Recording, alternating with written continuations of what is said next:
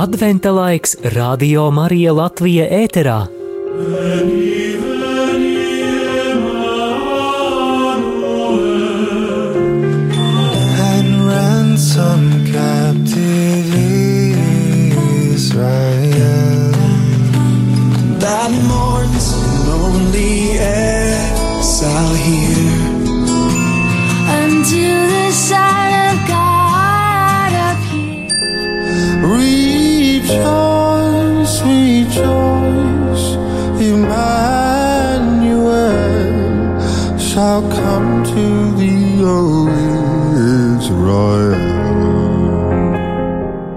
Vēro kā aug jēzus koks.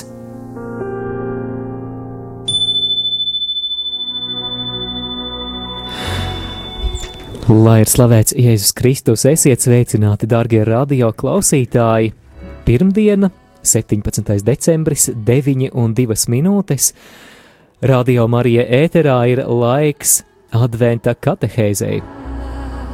Šajā rītā šeit studijā es Māris Veliks un priecājos studijā arī sveicināt priesteri Modri Lāci Rīgas svētās Terēzes no bērna Jēzus draudzes prāvestu un Rīgas katoļu ģimnāzijas kapelānu.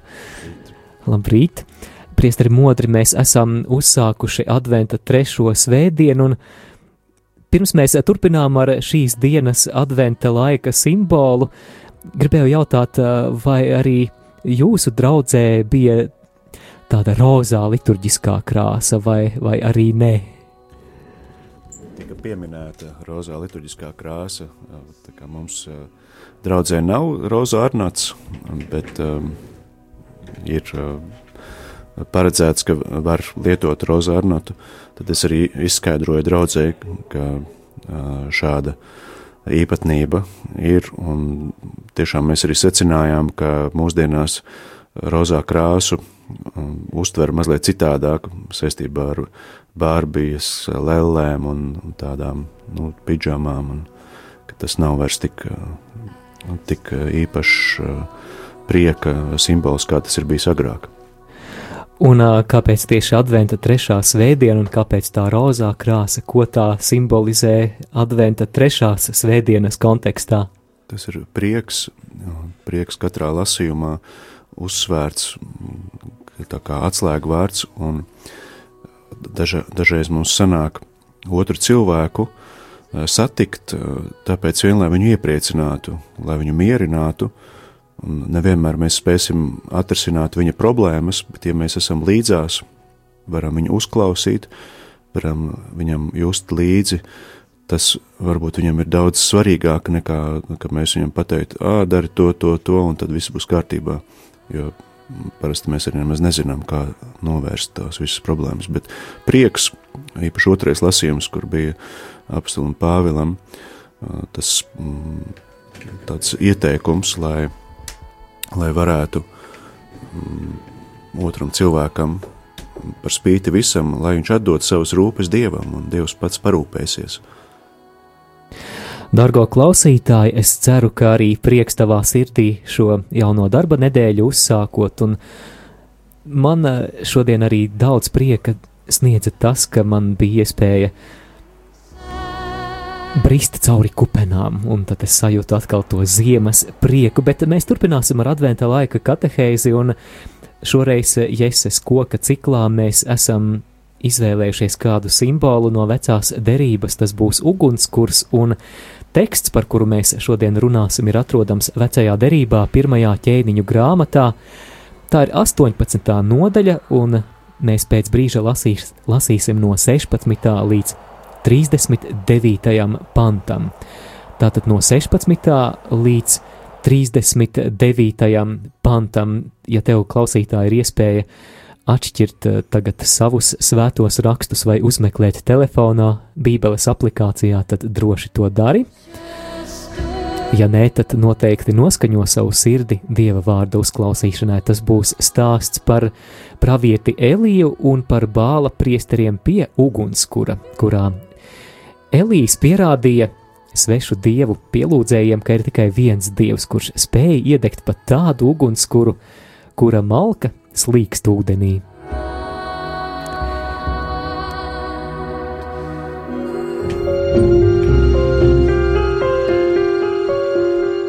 Ieklausāmies Dieva vārdā.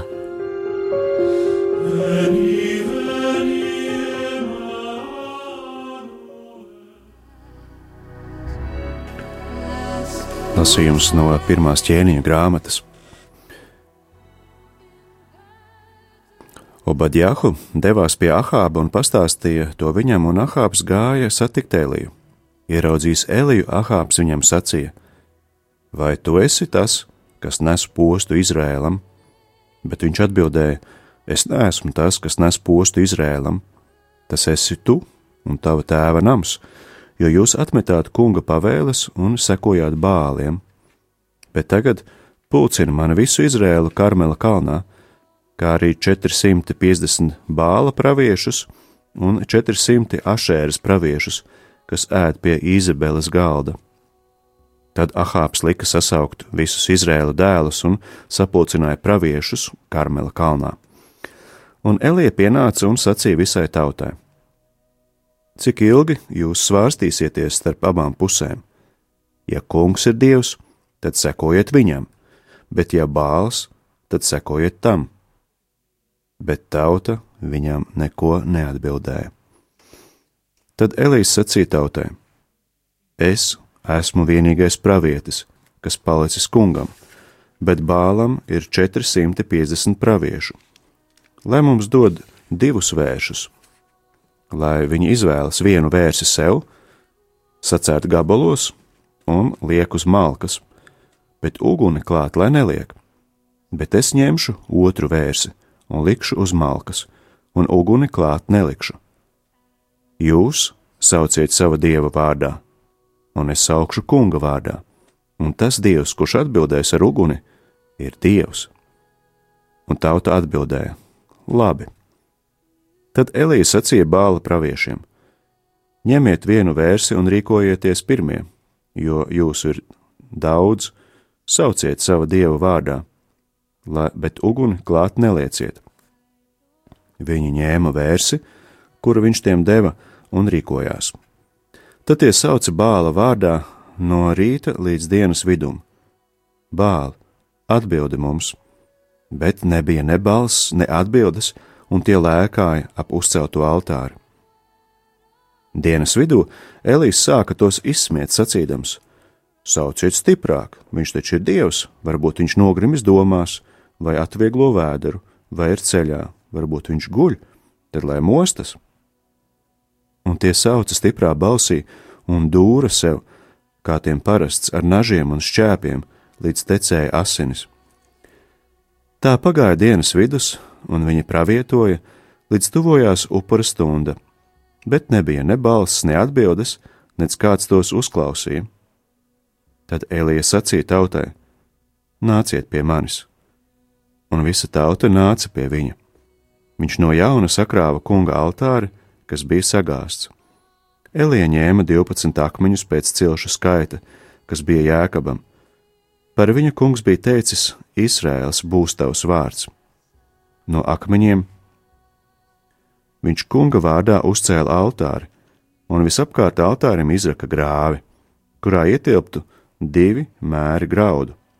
Viņš sakrāva malku un sacirta vērsi, lika to uz malkas un sacīja: Piepildiet četras krūkas ar ūdeni un izliet pār sadedzināmo upuri un malku. Tad viņš sacīja vēlreiz, un tie lēja otru reizi, un viņš tiem sacīja trešo reizi, un tie lēja trešo reizi. Ūdens tecēja visapkārt altārim, un grāvis pildījās ar ūdeni. Kad pienāca upura stunda, pravietis Elija tuvojās altārim un sacīja: Kungs, Ābrahama, Izāka un Izraēla dievs. Lai šodien top zināms, ka tu esi dievs Izrēlam, ka es esmu tavs kalps un ka visu šo es esmu darījis, kā tu teici.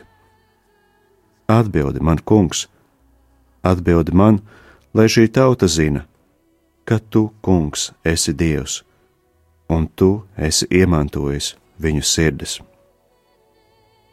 Tad kunga uguns krita un aprija sadedzināmo upuri, malku un akmeņus kopā ar pīšļiem, un izlaizīja ūdeni, kas bija grāvī. Visa tauta to redzēja, krita uz savu vaigu un sauca: Kungs tiešām ir Dievs! Kungs tiešām ir Dievs!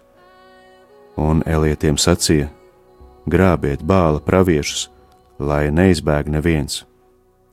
Viņi sagrāba tos, un Elija tos noveda Kīšonas gravā un tur nokāva.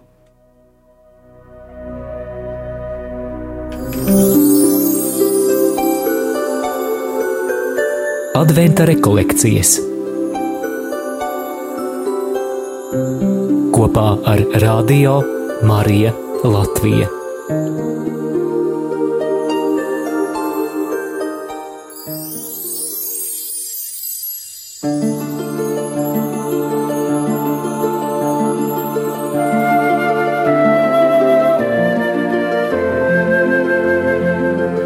Darbie radījumi arī Latvijas klausītāji, turpināsim mūsu adventa rekolekcijas pārdomas, šodienas tēma ir ugunskurs, jeb ēlija un bāla priesteri.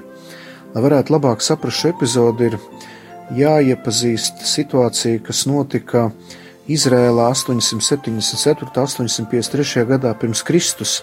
E, Izrēlā valdīja ķēniņš Ahabs ar savu sievu Izabeli no Tīras, un savā veidā šī laulība bija tik nu, izvirtusi un tautā bija tik liels pagrimums, kāds nekad nevienos citos laikos nav bijis. Un šī, šī Ahaba valdīšana kopā ar Izabeli veicināja to, ka Izraels iegrima milzīgā elgdievībā. Izrēlī iestājas liels sausums, un tajā brīdī pravietis Elīs izaicina, izaicina bāla jeb elku dieva praviešus viņš atgriežas eh, no tūkstneša viens pats pret 450 bāla praviešiem.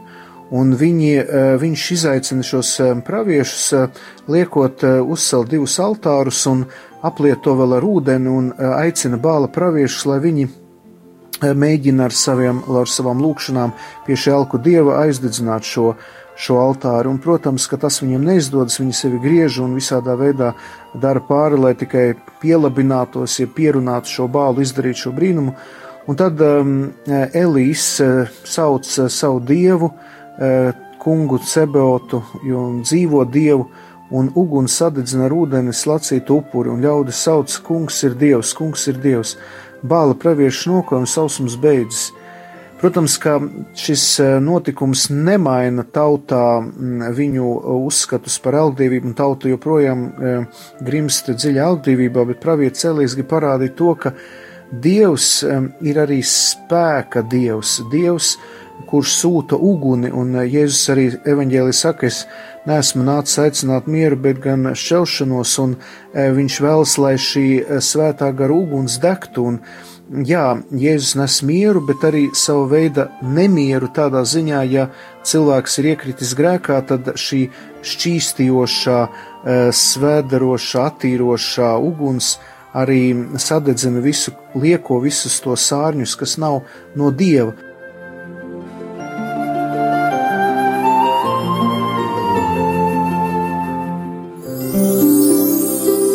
Piemērs no dzīves.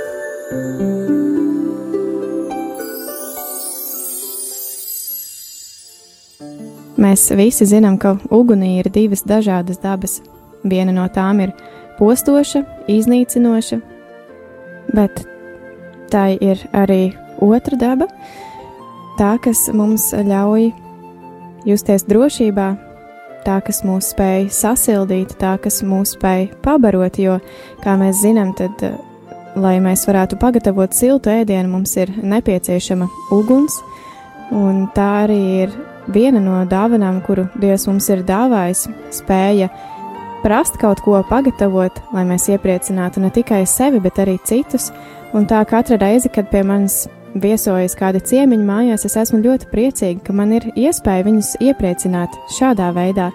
Un Es gribētu aicināt katru no jums arī šajā adventa laikā pacensties. Arī tad, ja jums šķiet, ka jūs neprotat neko gatavot, tad ziniet, ka otrs būs priecīgs arī kaut vai tikai par vienkāršu sviestmaizi, bet tas galvenais ir tas mīlestības žests, kuru jūs ar to sniedzat otram, jo, kā mēs zinām, tad mīlestība iet arī caur vēdera, tādēļ izmantojiet šo iespēju otru iepriecināt, pagatavojiet viņam kaut ko gardu.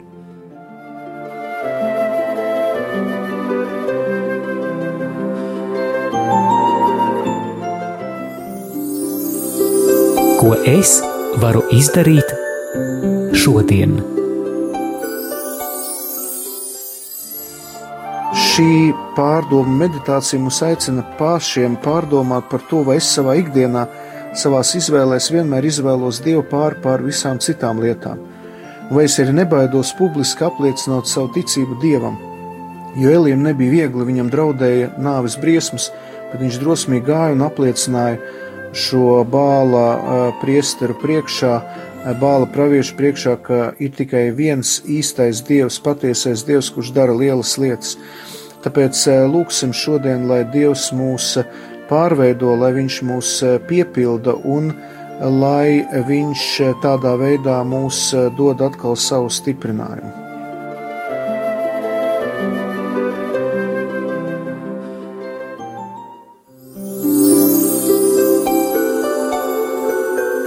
Adventa rekolekcijas kopā ar Radio Marija Latvija.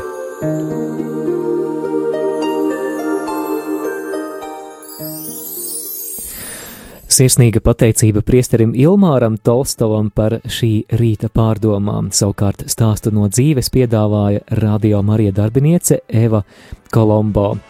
Vēlos atgādināt, ka šajā rītā studijā arī priesteris Modris Lācis, un jau pēc dziesmas atgriezīsimies ēterā, lai vairāk parunātu par nu pat runāto, nu pat dzirdēto rakstu vietu, kuru mēs atrodam pirmajā ķēniņu grāmatā, 18. nodaļā, no 16. līdz 39. pantam. Paliec kopā ar Radio Marija Latvija.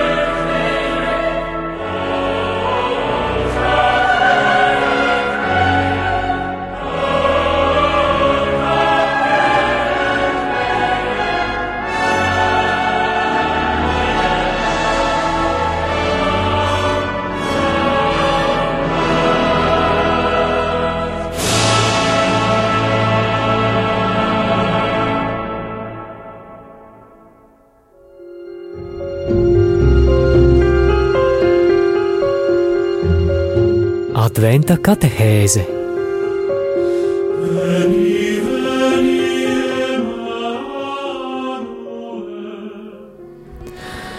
Joprojām pirmdiena, 17. decembris, jau 9,22 minūtes. Adventa laika katehēzē ēterā es Māris Veliks un arī priesteris Modris Lācis Rīgas svētās Terēzes no bērna Jēzus draudzes prāvests.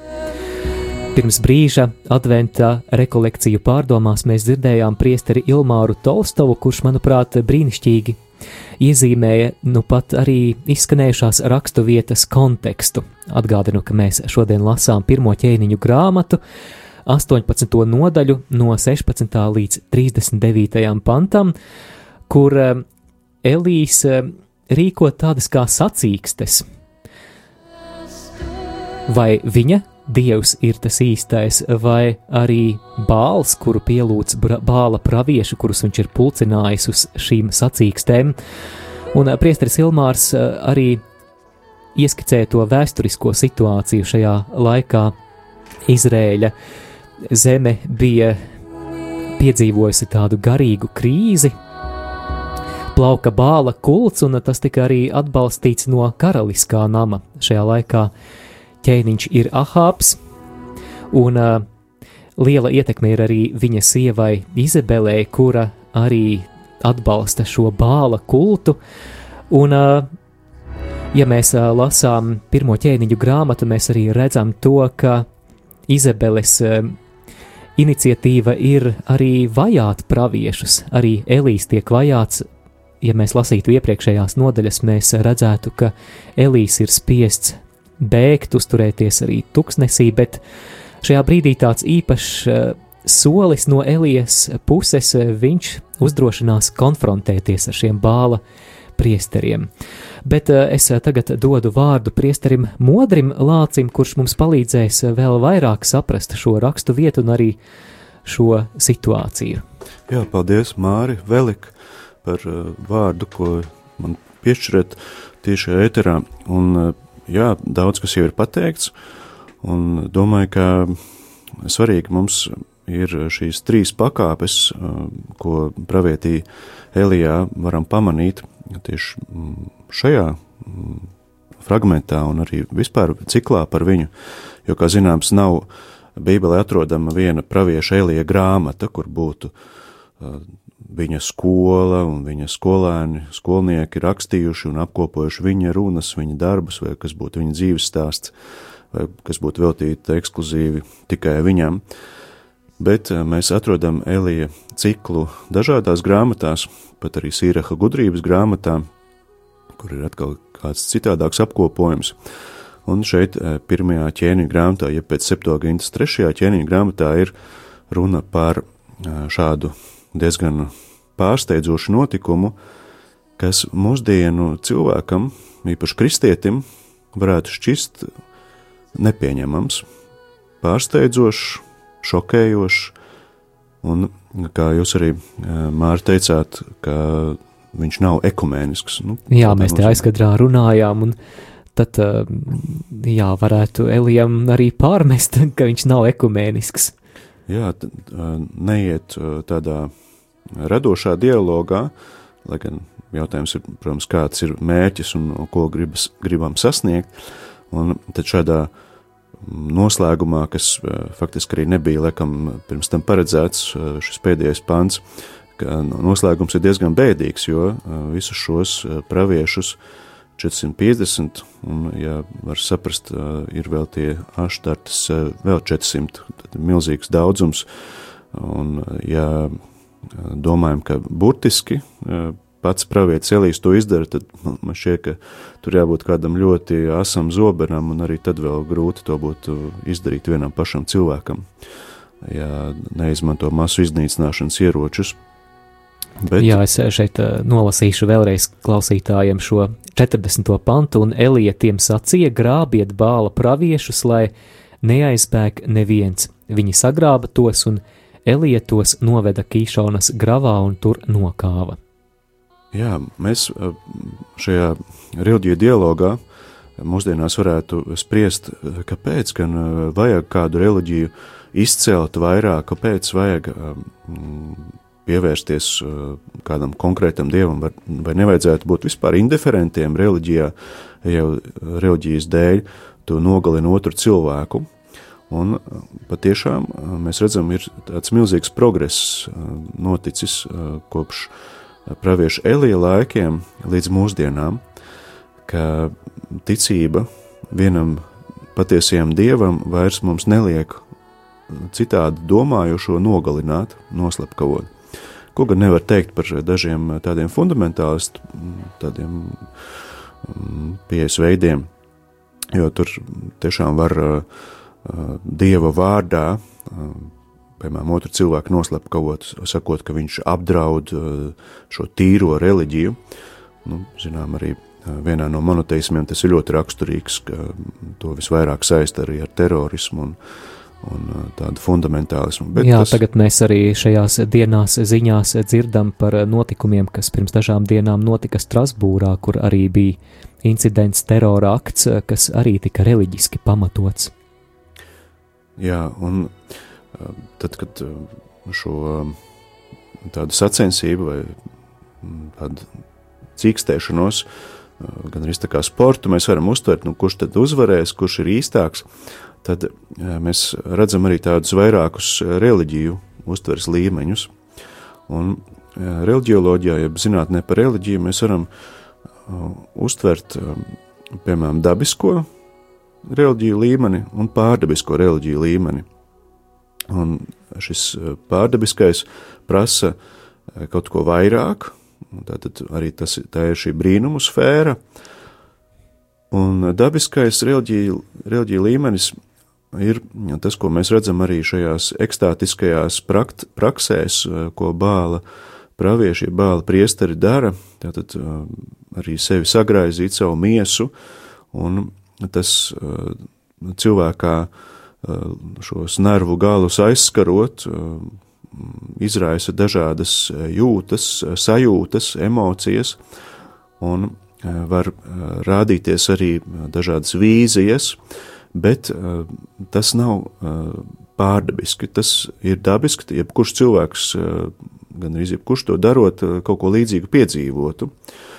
Un tas paliktu mūsos, tā būtu mūsu pieredze, mūsu apziņa, kur uh, iedomājas, ka viņi satiekas ar Dievu, bet realitātē mēs būtu tikai šādu psiholoģisku, psihisku efektu piedzīvojuši.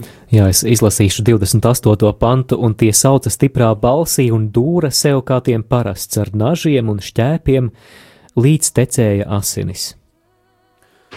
Arī mūsdienās ir šādu reliģiju adepti, tieši bāla priesteri vairs nav sastopami, bet ir dažās tuvo austrumu reliģijās un arī atsevišķos šamanismu paveidos un, un šur tur līdzīgas prakses sastopamas. Un tas nozīmē, ka cilvēki mēģina ar, ar saviem spēkiem ieiet tajā neredzamajā pasaulē, garīgajā pasaulē un kļūt par tiem, kuri sastop dievu vai dievību vai dievišķo, un nemēģina saprast, ko pats dievs vēlētos mums pateikt. Un bāla praviešus, bāla priesteris mēs varam pieskaitīt arī pie viltus praviešiem vai viltus priesteriem, un tā ir vesela nodaļa pravietisma traktātā, kur mēs varētu spriest, jā, bet kā tas ir, ka cilvēks ar pilnu pārliecību iet un pūļiem, masām sludina savu kaut kādu tekstu, savu viedokli un savu pārliecību, bet pēc kāda laika tas izrādās ir viltojums, ka tā nav patiesība. Un kā mēs varam būt droši par to, ko mēs sakām? Kā mēs varam būt droši par nākotnes pareģojumiem, kamēr šī nākotne nav pienākusi, tikmēr ir diezgan pagrūti noticēt. Bet savukārt, tad, kad ir pienākusi, tad vairs nav jēga ticēt. Tad, tad, tas tā ir īstenojies un viss ir kārtībā. Viltus praviešu tēma ir ne tikai vēsturiska tēma, tā ir arī šodienas tēma un īstenībā mūsu katra personīgā tēma. Mēs katrs savā ziņā esam arī tāds bāla pravietis, tad, kad mēs otram cilvēkam sakam, to, ko īstenībā mums nav teicis Dievs, un ne, nedz arī mūsu tāds īstais dabiskais prāts, bet kas, kas ir mūsu iedomas, kaut kas nepārbaudīts, kaut kas tāds vairāk fantāzijas iztēles līmenī. Protams, Dievs mums ir devis iztēli, tā ir dāvana, bet reizē, piemēram, ja papēta tūkstnešu tēvus arī svētiem Jānim Pakāpniekam, ir ļoti interesanti tajos pakāpienos uz debesīm, kur viņš, ja nemaldos, trešajā pakāpienā noslēgumā nosoda tos cilvēkus, kas pārāk ļaujas fantāzijai, iztēlē. Bet mēs zinām, ka ir vesels zinātniskās fantastiskas žanrs, kas ir ļoti interesants un aizraujošs, un tā ir viena no iespējām, kā mēs varam stādīties priekšā varbūt neiespējamu nākotni, bet uh, varbūt arī prognozēt, kāda tā varētu būt, kā tā varētu attīstīties. Tad mēs it kā projicējam savu domu uh, tur, kur īstenībā mums nemaz nav tā īsta tiesības um, iedomāties, ka jā, kaut kas tāds tiešām notiks. Bet ar tādu piebildi, ka tā ir izdoma, vai fantastika, vai fantāzija, vai iztēle, tad um, šādā veidā īstenībā lielākā daļa romāna ir mazliet realitātes izskaistinājums. Līdzīgi arī nākotnes paredzējumi, kaut kas no tā nepiepildās, bet kaut kas no tā īstenībā ļoti bieži īstenojas.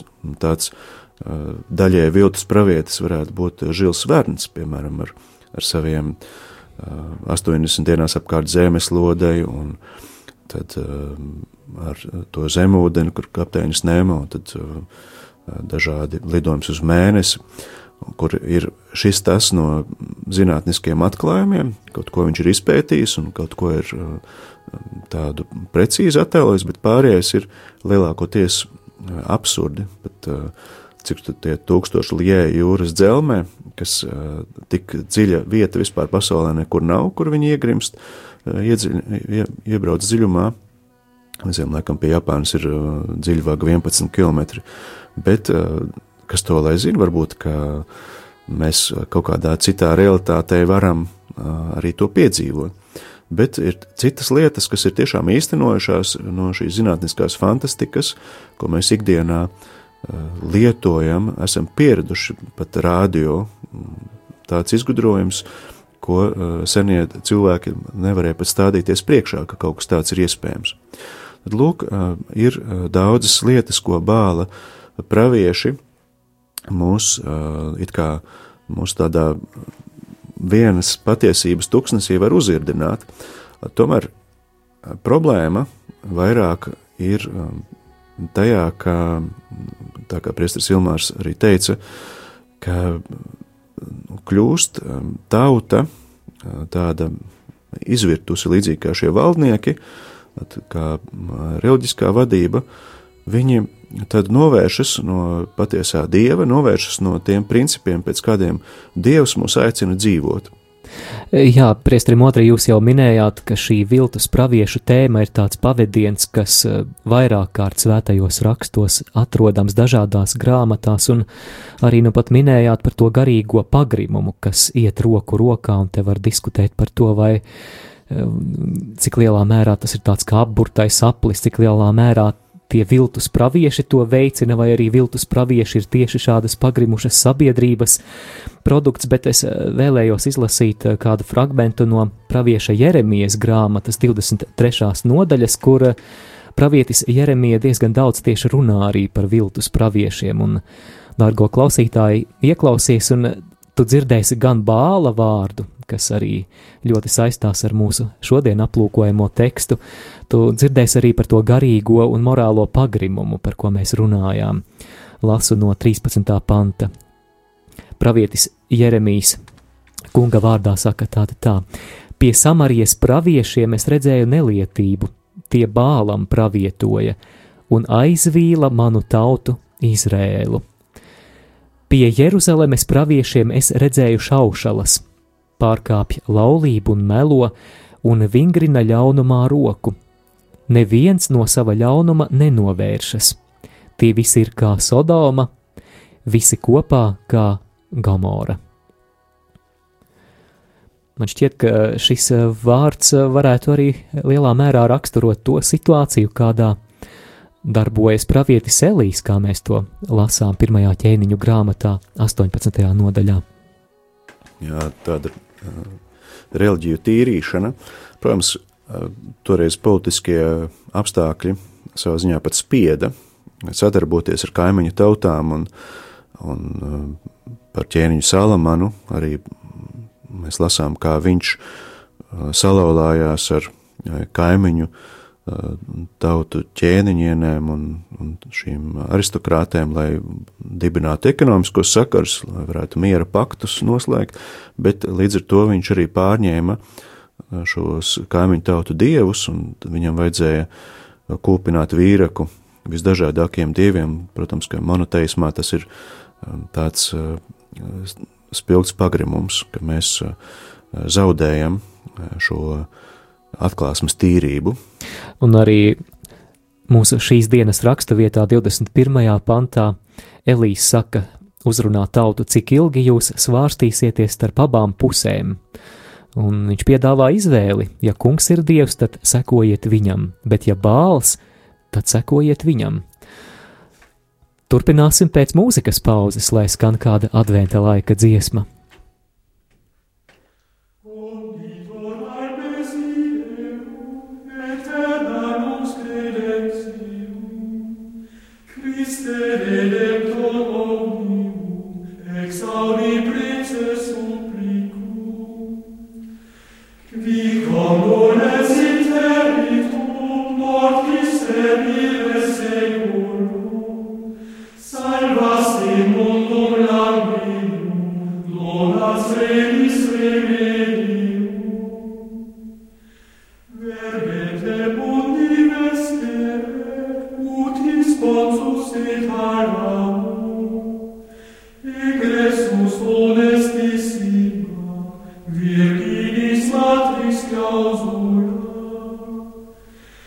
Si Christe respis in me, tibi Patric gloria, cum spiritum parat,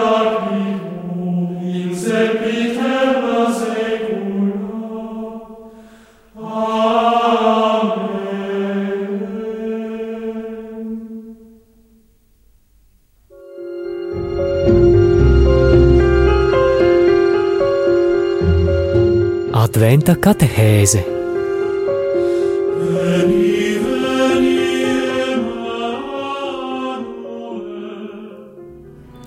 Darbie klausītāji, šajā rītā ar adventa katehēzi priesteris Modris Lācis. Pirms brīža mēs runājām par um, reliģijas dabisko līmeni, par, par centieniem gūt reliģisku pieredzi, ja mēs tā varētu teikt, tādā miesiskā līmenī ar cilvēciskiem līdzekļiem. Mēs daudz arī runājām par vildus praviešiem, pie kuriem ir pieskaitāmi arī bāla pravieši, kurus mēs sastapām arī šodien dzirdētajā stāstā no pirmās ķēniņu grāmatas 18. nodaļas. Priesteri modri, ar ko lai turpinām šīs dienas pārdomas? Man šeit pirms dziesmas jūs arī uh, iezīmējāt vienu no šīm, vien, vienu no šiem virzieniem, ka ir jāizdara izvēle. Tātad Elīs saka, vai nu sekojiet bālam, vai nu sekojiet vienīgajam dievam. Izvēlēties, kurš tad ir kungs. Un ir tāda Richarda Rora grāmata, Kailā tagadne. Es zinu, ka ir ļoti dažādi vērtējumi. Jā, Ričards Rors ir, ir tādu pretrunīgu diskusiju krustugunīs. Jā, bet tur viena no, no šīm domām viņ, viņš uzskata, ka būtu pareiza tāda kā dualistiska domāšana, ka mēs ne, nedomājam kā bināri balts melns, bet ka varētu būt vienlaicīgi vairākas iespējas, kā dzīvo vienlaicīgi vairākas uh, pakāpes. Un Tas, protams, neatiecas uz elku dieviem un vienīgo patieso dievu, ka varētu būt, nu, vienlaicīgi, jā, man ir, jā, es esmu kristietis un ticu trīsvienīgajam dievam, vienam vienīgam dievam, bet, nu, man vēl tur skapī vairāk dieviņi stāv. Protams, ka ne jau šādā nozīmē, un tur ir skaidrs, ka pravietiem Elijam ir visas tiesības šeit reducēt izvēles. Bet tomēr uz ko balstās šis dialogs ar citām reliģijām, kāpēc mūsdienās mēs vairs nedrīkstētu tā kā pravietis Elijas darīt. Viens, tas, ka mums diez vai izdotos šāds brīnums, tur jābūt ļoti svētam cilvēkam, lai kaut kas tāds, tāds īsts kontakts arī pārdabiskā brīnuma veidā īstenotos, dziedināšana un tā tālāk. Tas varbūt ir kādam harizmātam iespējams, kurš ikdienā svētā gara plūsmā dzīvo un, var teikt, peld svētajā garā, bet mēs dažkārt esam kļuvuši vairāk tā kā ierēģi, kas izdara tos darbus un tad caur sakramentiem, caur redzamajām zīmēm, Dieva žēlastība plūst mazliet tādā citādākā veidā, kas nav tāds spilgts, dzirksteļojošs un ugunīgs. Bet, protams, mēs esam aicināti arī uz šo ugunīgo, nu, uz pravietismu garu. Starp citu, arī es lūdzu jums, mīļie klausītāji, aizlūgt par vienu ļoti svarīgu nodomu.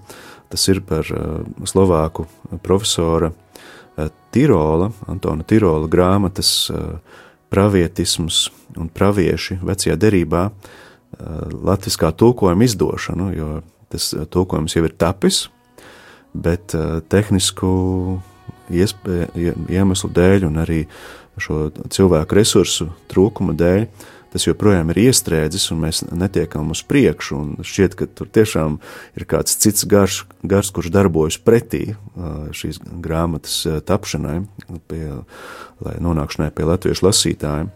Un tad mēs saprotam, ka mums ir jābūt šajā pravietisma izpratnē arī šajā mūsdienu situācijā, kur tik daudz kas mainās, uh, kur uh, ir milzīgs uh, progress, tehnoloģiskais progress, uh, pārmaiņas sabiedrībā, kur uh, katra diena mums pieprasa citu pieeju dzīvē, arī izglītībā. Um, šeit pat katoļu ģimnāzijā mēs daudz spriežam, kā tad mūsdienu sabiedrībā mācīt uh, skolēnus, un uh, vai visā mēs varam klausīt tam, ko pieprasa mums no augšas, un kā tad mēs varam šo savu ticību saglabāt. Šodienas pravietis Elīs ir droši vien citādāks, viņš ir atšķirīgs, viņš bāla praviešus uzklausīt ar cieņu pie apaļā galda, būtu kopīgas lūkšanas par mieru pasaulē, par slimniekiem, par katastrofu upuriem, un Elīs eh, neteiktu ar šiem gan arī rupjiem vārdiem, nu, sauciet skaļāk savu dievu, lai viņš varbūt viņš ir aizgājis uz toleti un, un varbūt viņš ir guļ un nevar jūs dzirdēt, aizņemts. Arī šis jaunais bībeles tūkojums var pārsteigt ar to, cik dažkārt viņš ir brutāls, mēs arī esam pieraduši dzirdēt tādu maigāku to uh, maigo vēja pūsmiņu, jo arī pravietis Elīs, viņš mums ir pazīstams kā maigās vēja pūsmiņas pravietis, kurš uh, mēģina uh, ieraudzīt, satikt dievu vētrā, zemestrīcē, ugunī, bet nē, Dievs prāta, nē, es tāds neesmu. Es kļūdījies, es esmu maigā vēja pūsmiņā. Un tad uh, ar šo pieredzi mēs domājam, nu tad ja mēs nebūtu lasījuši tālāk, kas notiek ar bāla praviešiem, mēs domājam, nu redz, tagad šie bāla pravieši, un tad viņš nāks un tā diplomātiski runās un mācīs viņus, nu varbūt redziet, kā es uh, nosaucu šo uguni uz, uz manu upura, nu tad saprotiet, ka manajā reliģija ir tā pareizā, un tad lūdzu pāriet manā reliģijā, lai bez asins izliešanas. Nē, viņš, kā Mārcis ir nosietis, saķeriet viņus visus, lai neviens neizmūk, lai nav, neviens nepaliek pāri. Un Jā, tas... un tajā, kā viņš runā ar bāla praviešiem, viņš tā mazliet pat ņirgājas par viņu šīm praksēm un par šo reliģiju, manuprāt, ir viena no rakstu vietām, kur tāds bībeles melnais humors parādās. Jā, un īsnībā arī domājot par ironiju, mums uh, bija šīs ekonu eh, izdevniecības grāmatiņas par grēksūdzi, kur mēs arī ar eh, dažiem jūsu kolēģiem tur pārspriedām, ak, šausmas, ja mums būtu tik grūti, tur varētu uzreiz vispār iet projām. Bet viens no grēkiem ir pareizticīga uztverē ironija. Un katoļi varbūt tam tik daudz nepievērš uzmanību, ka tur kādu izjokot, pavilkt uz zoba, kas tur liels, bet tas ir pavisam konkrēti nosaukts par uh, grēku. Arī adventisti uh, uzsver, ka Jēzus nekad nesmējas. Evanģēlijos nekur neatradīsim, ka Jēzus smietos. Un ka smiekli īstenībā, nu, ja tā attīsta vairāk, ka smiekli uh, var uh, vienmēr uh, cilvēku pazemot. Protams, Pāvis Francisks uzsver par evaņģēlīju prieku, prieks, prieks, prieks, un arī vakar šī rozā liturģiskā krāsa, kas simbolizē prieku, bet jā, tā nav smiešanās un smiekla, tā nav jautrība par katru cenu un neatkarīgi no visa, un tā, tā nav nedz ironija, tas nav sarkasms, tas nav melnais humors, bet ļoti precīzi tie prieka iemesli, kas dod īsto prieku.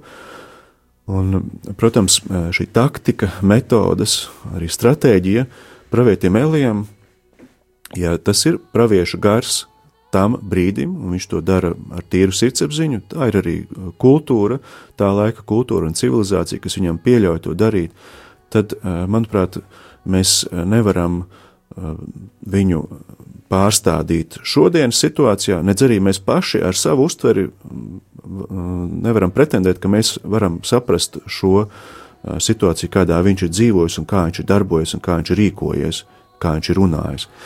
Tur arī jāskatās plašāks konteksts, konteksts kā īstenībā šie bāla pravieši, nu, tādi savā ziņā parazīti, jā, viņi, viņus ķēniņiene Jezebela uztur, uh, Un eh, tātad eh, šī tauta uztur un milzīgs skaits īstenībā, mm, ja, ja var ticēt šiem eh, cipariem, šiem skaitļiem, tad tautai diezgan pamatīgi ir jāpūlās, lai varētu tādu lielu reliģisko aparātu uzturēt, un pie tam, ja viņi to uh, nedara, lai palīdzētu cilvēkiem, bet drīzāk tikai savā izklaidē. Tad šis konteksts uh, mūs uh, daudz vairāk var nomierināt, ka nē, tā jau arī nav, ka uh, mēs būtu galīgi gļēvi un ka šī diplomātija būtu neprasme uh, lietot spēku, lai aizstāvētu savu taisnību. Darbie radio klausītāji, atgriezīsimies ēterā pēc mūzikas pauzes. Atgādinu, ka mēs šoreiz runājam par raksturvietu no pirmās ķēniņu grāmatas, lasījām 18. nodaļu no 16. līdz 39. pantam, bet, ja tev ir kāds komentārs vai jautājums, tad droši iesaisties ēterā. Atgādinu, ka tālruņa numurs studijā ir 67 969 131. Īziņas var rakstīt uz numuru 266 77 272. E-pasts studija at rml.lv.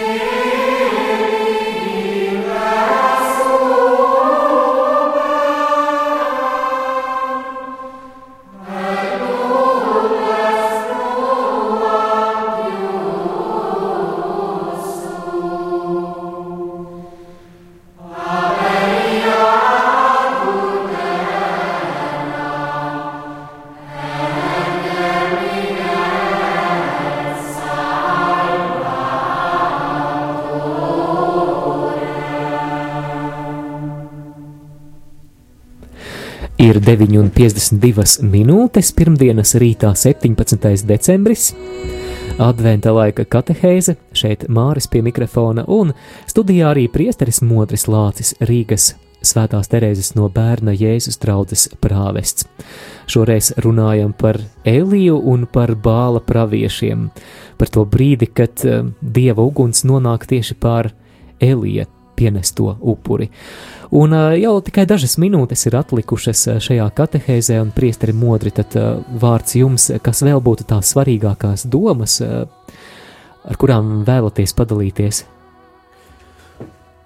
Tiešām laika griezumā mēs esam pārvarējuši milzīgas tādas pārmaiņas, un tomēr arī viduslaikos mēs esam piedzīvojuši krustakarus, tepat mūsdienu Latvijas teritorijā Livonija, viens no tādiem punktiem, tāpat arī Svētā zeme, kur Svētais Bernards no Klarvo, kas netraucē viņam būt svētiem, viņš ir sprediķojis un aizrāvis cilvēkus doties krusta karā, atbrīvot svēto zemi ar spēku, ar karaspēku no musulmaņiem, no citādi domājošiem, citādi ticā, ticošiem cilvēkiem, un tas tajā laikā ir šķitis kaut kas ļoti normāls.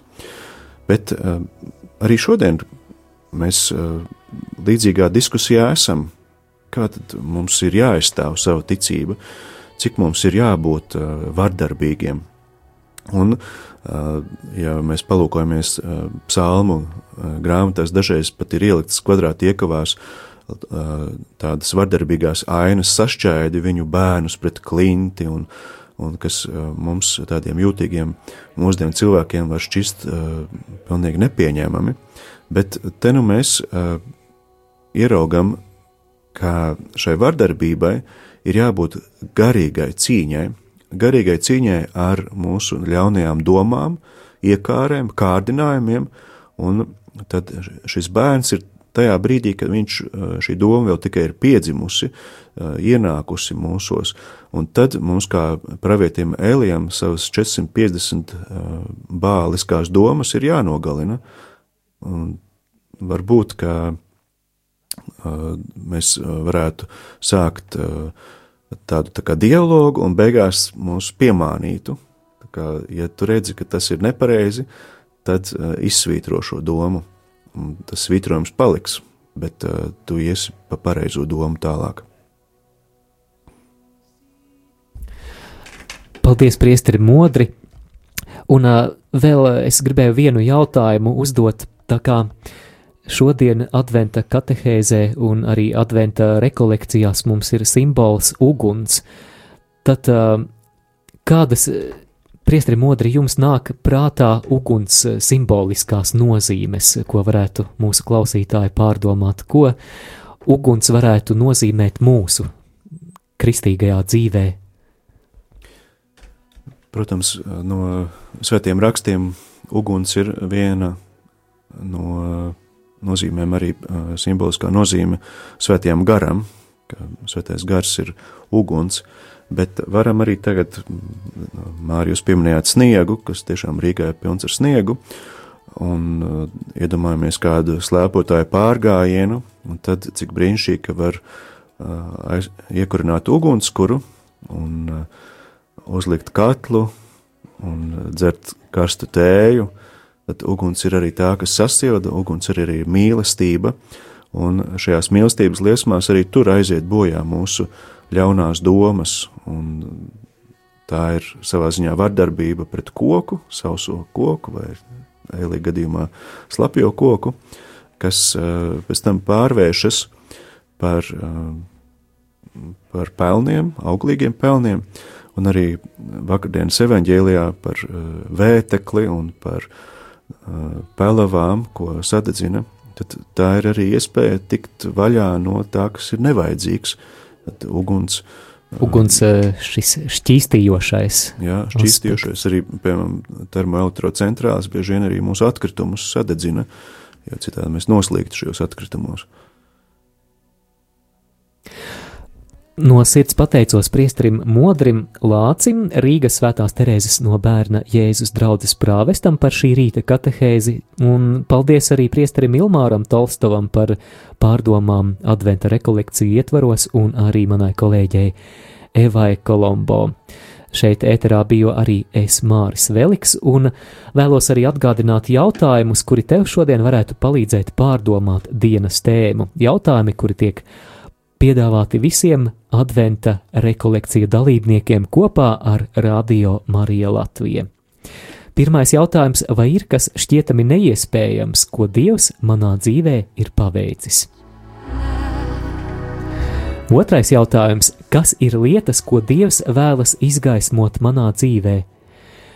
Un vai ir kas tāds, ko es vēlos slēpt no citiem un no sevis? Un visbeidzot, trešais jautājums.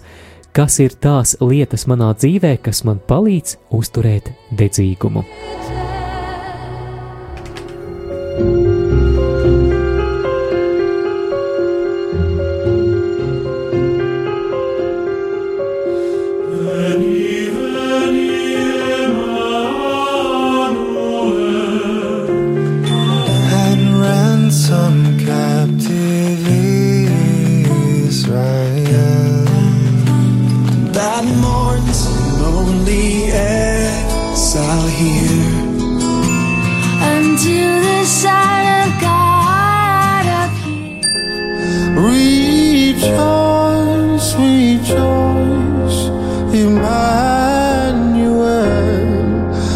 shall come to thee, O Israel. Vēro kā aug jēses koks kopā ar Radio Mariju Latviju.